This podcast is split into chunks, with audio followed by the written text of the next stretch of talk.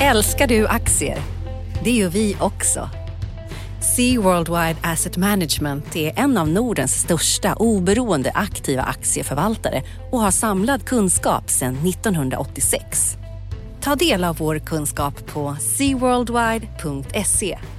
Bokstaven C, worldwide.se.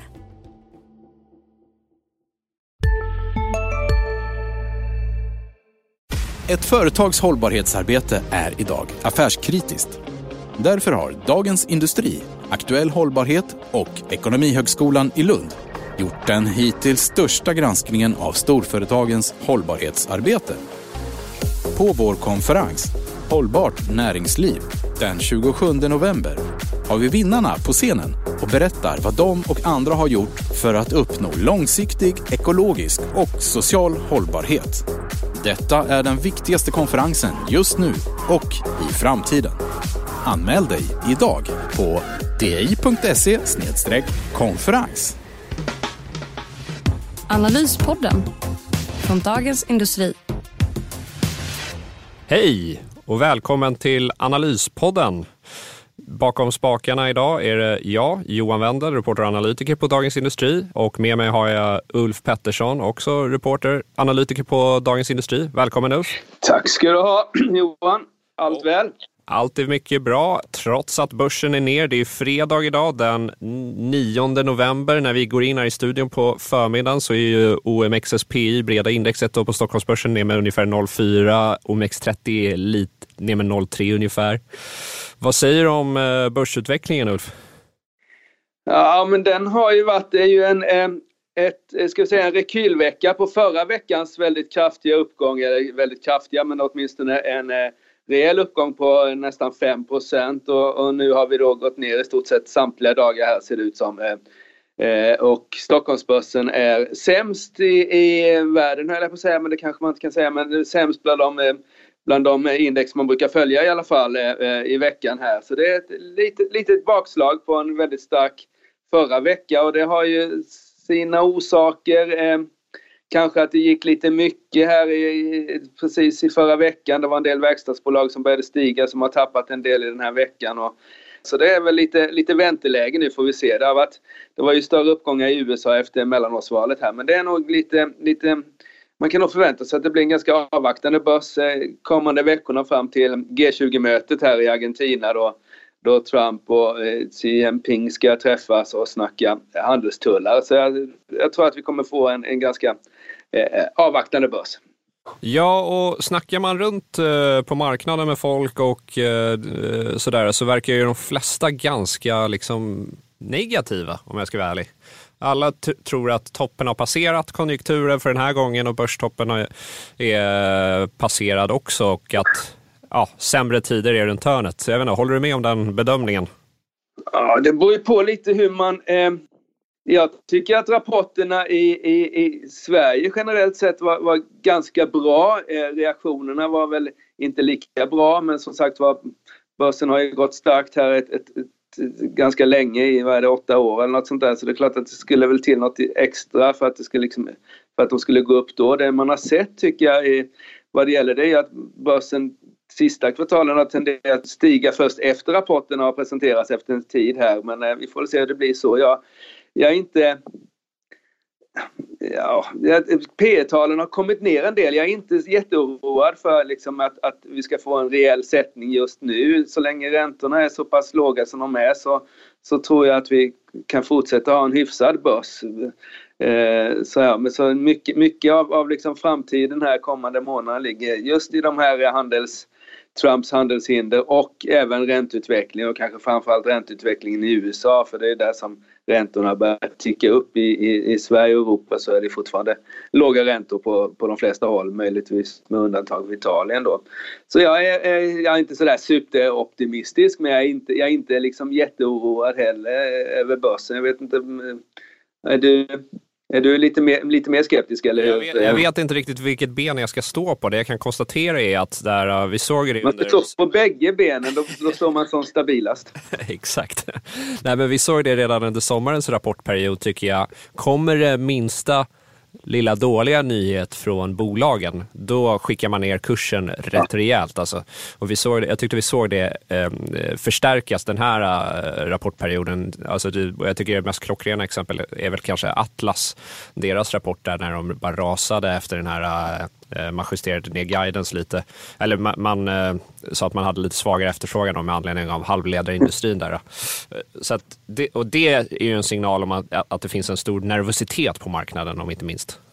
Ja, och så är det. Och de har ju, Verkstad har ju fortsatt utvecklas ganska svagt här, men Atlas har ju fortsatt ner och, och ja, Boliden är ju mer gruvor, men har ju också gått svårt. Visst, visst, det var det och jag tycker Atlas var ju, var ju dramatiskt. Det var ju nere över 10% när rapporten kom. Och ännu värre var det väl egentligen i, i Electrolux, men den har ju faktiskt svingats upp rejält. Den är uppe mot 200 spänn nu. Så de här rörelserna har fortsatt inte riktigt lika mycket som under rapportperioden, men det är ju en del rörelse i aktierna och det är ju ett osäkerhetstecken. Det får jag hålla med om. Ja, men jag, vet att du, jag vet att du nämnde där att eh, köpte man Electrolux på botten så eh, gjorde man ju en rätt bra affär får man ju säga. Ja, jag tror den är upp 30 procent här på ett par veckor. Det är ju ganska otroligt för ett sånt gammalt, gammalt och förhållandevis stabilt bolag då. Men det är inte, det är inte Electrolux som har varit grejen här i veckan. Många av dina spelbolag har ju, har ju liksom eh, som du följer eh, har ju inte gjort folk glada. Eller hur ser det ut där egentligen i, i sektorn? Ja, eh, vi kan ju börja då med gambling och betting, eh, de bolagen där. Där kom ju Leo Vegas med eh, rapport för det tredje kvartalet och Eh, den aktien har ju varit eh, katastrofal i år redan innan rapporten ska sägas. Alltså det, det, har eh, kommit signaler om att den brittiska spelmarknaden har bromsat in betänkligt, bland annat på grund av tuffare regulatoriska krav från myndigheterna. Och vad heter så att det var liksom mycket inprisat i, i, i Leo Vegas-kursen och analytikerna har justerat ner sina prognoser inför den här rapporten och vid förra rapporttillfället så gav Leo en ganska bäsig uppdatering om eh, fortsatta läget. Men i alla fall, den gick ner kraftigt här på rapporten och eh, jag tycker inte det är så märkligt. Det var ju det går riktigt dåligt för dem i Storbritannien. Det är deras största marknad, efter, eh, bland annat efter organisk tillväxt men också efter förvärv de har gjort där. Och deras eget varumärke, då, leovegas.com, hade en negativ organisk tillväxt på 32 procent i det här kvartalet i eh, Storbritannien. Och det är ju ja, det är ju väldigt dåligt helt enkelt. Det, man kan inte beskriva det på något annat sätt. Det? det? är alltså att, att, att man håller på och man inför krav som gör att, eh, som gör att eh, spelbolagen liksom ska, ska kontrollera sina spelare så de inte spelar bort alla sina pengar egentligen. Är det inte det det handlar om? Att, att de här storspelarna liksom... Ja, del, delvis det, men också höga krav från myndigheterna att de ska veta vad spelarna får sina pengar ifrån. Mm. Så att man kan liksom, och det är en del av arbetet mot penningtvätt och sådana här grejer. Och det, där har de brittiska myndigheterna blivit tuffare nu och det sätter käppar i hjulet för eh, de här bolagen. Då, då och hindrar tillväxten. Och liksom Leo Vegas eh, vd-kommentar i den här Q3, den är ju, den är ju liksom den ägnas nästan bara åt compliance och regelefterlevnad nästan. Och det är ju, det är liksom ingen bra signal kanske, men jag tycker att det är en, och det skrev jag, jag skrev en kommentar här efter den här rapporten, jag tycker ändå det är noterbart att kika på, titta på liksom Kindred och Betsson, två spelbolag som har eh, verksamhet i eh, Storbritannien. De ger, ger, ger, inte heller några liksom, lysande recensioner för den här marknaden, det, det gör de inte, men det är ändå en noterbar skillnad Uh, hur mycket utrymme som uh, Leo Vegas då ägnar åt att det har varit liksom regel eh, efterlevnadsproblem i UK och så vidare jämfört med Kindred och Betsson. Nu är det kanske naturligt med tanke på att UK är en så stor marknad för Leo Vegas, men jag tycker ändå det, ja, det är ingen bra signal för mig. Man... Det, det, är lite, lite oroväckande. Det känns som att de har fått har haft liksom mer samtal med, med ska säga, myndigheterna än vad de andra haft och det gör att det kanske märks i, i vd-ordet eller på något sätt. Ja, ett katastrofscenario då vore ju såklart, alltså det som eh, alla investerare, deras värsta mardröm i Leo Vegas är ju då att man skulle kanske eventuellt bli av med licensen då i eh, Storbritannien. Ja. Men nuläget finns det ju inga sådana indikationer, men jag, vet att det är, det, liksom, det är ju mardrömsscenariot såklart. Ja, men det, det, är inte bara, det är inte bara, spelbolagen har ju varit i fokus, men det är mycket annat som har varit i fokus. Eh, Ericsson har, har och Börje Ekholm har pratat i New York med marknaden och sen så har vi haft nyheter kring Investor och, och EQT och, och, att det ser ut att kunna bli börsnoterat här. Så det är, det är ju väldigt intressant, eh, intressant information. Ja, vad säger du? Ska vi börja med Ericsson kapitalmarknadsdag? Har, vad, har, vad tar du med dig från den? Ja, eh, eh, vad ska man ta med sig från den då? Det är väl att, eh, att man höjde försäljningsutsikterna eh, eh, kommande två åren här eh, men höll höll rörelsemarginalsmålet intakt och sen så hade man ett långfristigt mål då om 12% rörelsemarginal som man nu liksom eh, Eh, eh, satte siffror på på ett annat sätt att det ska ske 2022 då. Och det här var väl bra information men det är klart att, eh, försälj att försäljningen så att säga eh, ser ut att öka lite mer än vad de liksom trodde tidigare är ju bra men men det är ändå vinsten som, som eh, aktien värderas ifrån och jag, jag förstår att det inte blev något rally på, på den där kapitalmarknadsdagen utan det snarare var lite, lite småpress neråt då. Och det är ju, det, man får ju också komma ihåg hur kursutvecklingen har sett ut i, i Ericsson här sista, sista två åren eller ett och ett halvt åren har ju varit fantastisk. Eh, så, så det låg väl i tangentens riktning att det skulle vara svårt att liksom, eh, för Börje Ekholm och hans, hans mannar på Ericsson att, att liksom infria den här uppgången då. Så jag tycker att och nu, nu när det inte händer någonting eh, superpositivt på kapitalmarknadsdagen så är det svårt att se riktigt vad som ska driva driva aktien uppåt just i det här korta perspektivet efter den här snabba nedgången. Nu finns det liksom inga triggers. Det har ju funnits. Det, det är lite den Eriksson... Sista dagarna nu på vårens stora season sale. Passa på att göra sommarfint hemma, både inne och ute. Och fynda till fantastiska priser. Måndagen den 6 maj avslutar vi med Kvällsöppet i 21. Välkommen till Mio. CSRD, ännu en förkortning som väcker känslor hos företagare. Men lugn, våra rådgivare här på PWC har koll på det som din verksamhet berörs av. Från hållbarhetslösningar och nya regelverk till affärsutveckling och ansvarsfulla AI-strategier. Välkommen till PWC. Sen har det varit lite sådär amerikanskt handlad kan man väl säga på börsen att man utgår mycket från liksom de stora trenderna och kanske inte så mycket till värdering utan man liksom ja, nu är det 5G som gäller och Ericsson ligger bra till eh, framförallt jämfört med kineserna som är liksom utslängda från olika marknader och sådär. Och nu, nu, nu kör vi så att säga men och, och, och det har ju gått bra för Ericsson men det är klart att P talet har ju blivit rejält då eh, med tanke på den här uppgången. Så det, jag, ser, jag ser inte liksom några jätte, jätteuppgångar eh, härifrån. Tvärtom så kan det nog bli lite, lite setback efter, efter kapitalmarknadsdagen även om vi inte har sett jättemycket av det än. Och, där vår eh, kollega Jesper Motander som skriver mycket om Ericsson var ju inne på det här. Han skrev ju en kommentar där eh, och man förstår ju deras dilemma. De har ju verkligen ändrat storyn om den här aktien, att eh, liksom lyckas vända det här negativa sentimentet som var kring den och levererat en fantastisk uppgång. Nu är frågan liksom hur, hur gör vi för att fortsätta den här storyn där vi hela tiden slår förväntningar, eller för det mesta slår förväntningarna? Och eh, det, det, är väl det som de, jag antar, har debatterat friskt i styrelse och ledningsrum.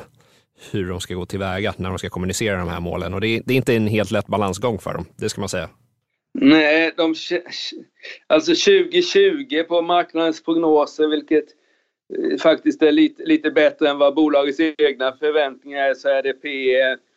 P, vad blir det, EPS 4,30. Det är P nästan 20 på 2020 års vinst. Så det är klart att det krävs ju liksom, det krävs nog högre vinst än så för att aktien ska liksom vara rolig kommande året utan, och inte bara parkera här kring 80-strecket.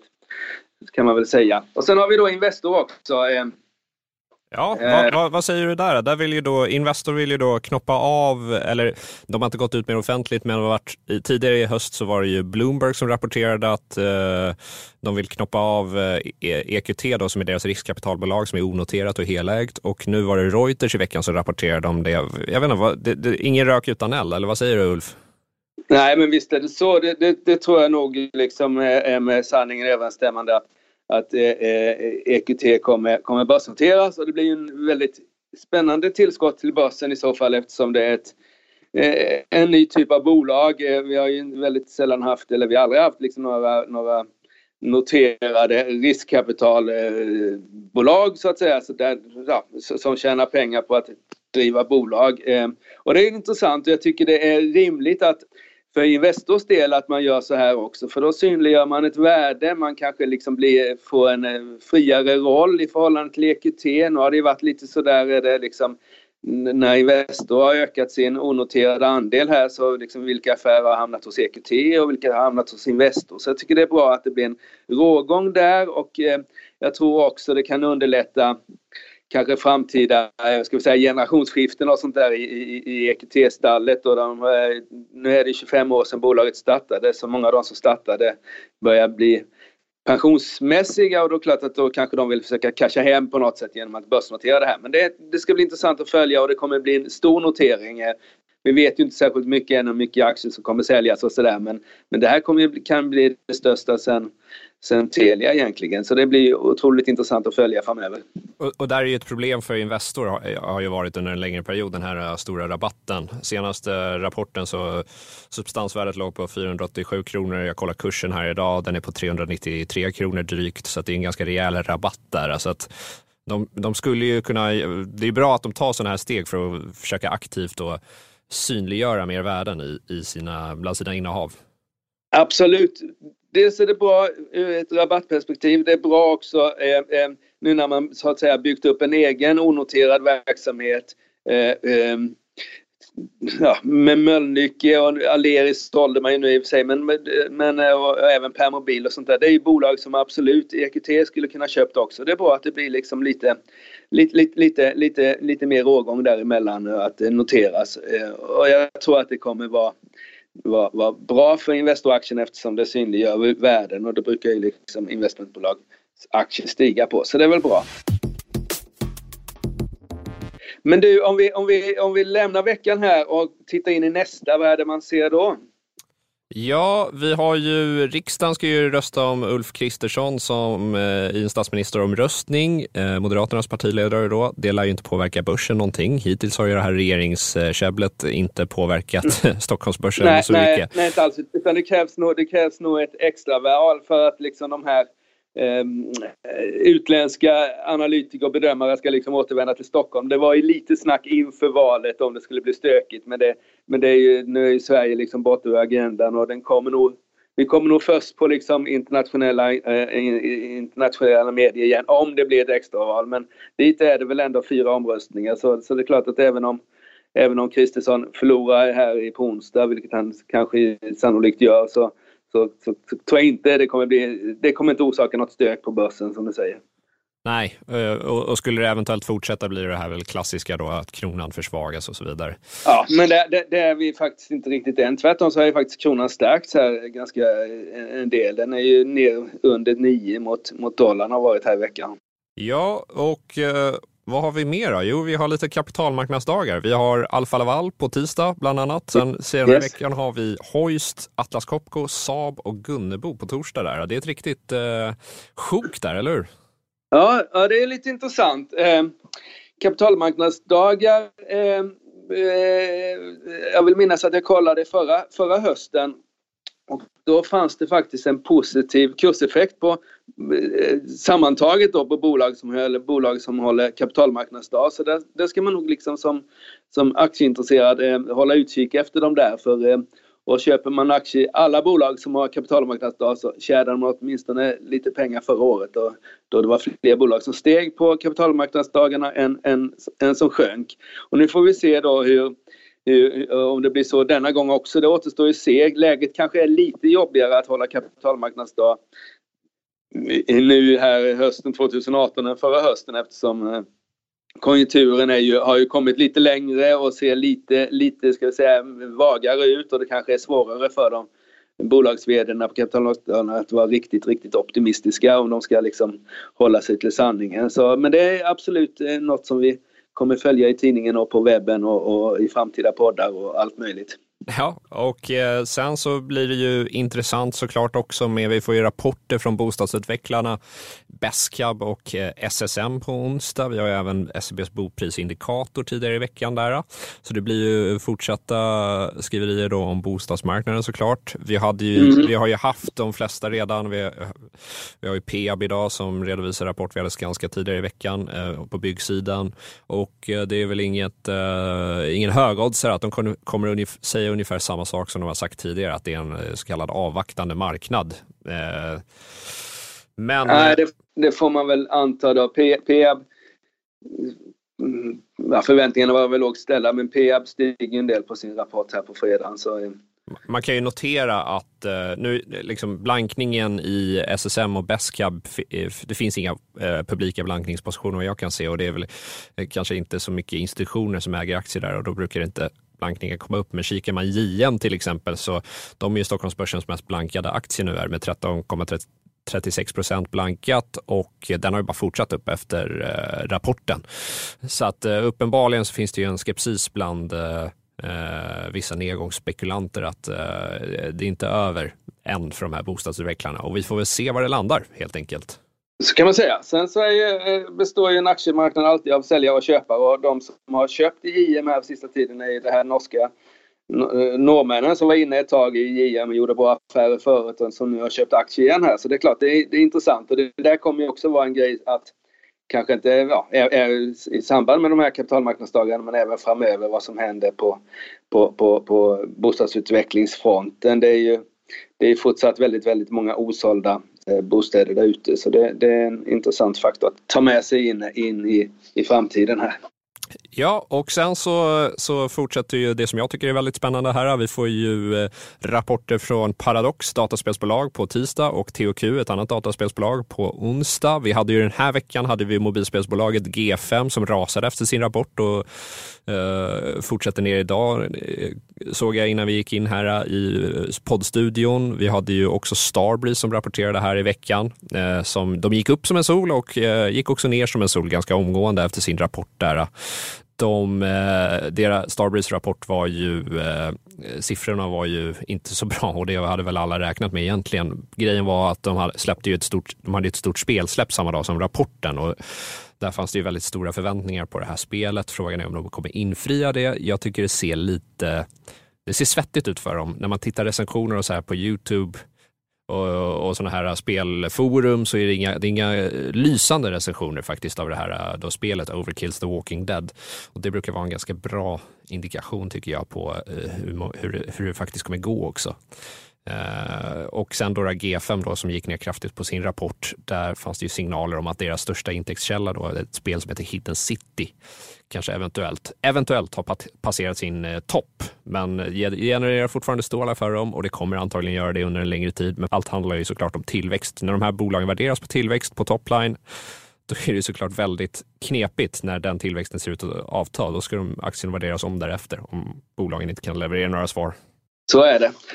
Bra Johan! Eh, jag tror vi tackar för oss där eh, och eh, önskar en trevlig helg. Nästa vecka blir spännande också som ni hör och eh, i helgen kan ni förbereda genom att lyssna på andra poddar som vår makropodd och eh, vår ledarskapspodd Förnuft och känsla inte minst. Eh, och så får vi önska er en trevlig helg allihopa. Tack för att ni lyssnade. Hej då! Hej! Analyspodden från Dagens Industri. Programmet redigerades av Umami Produktion. Ansvarig utgivare Peter Fellman.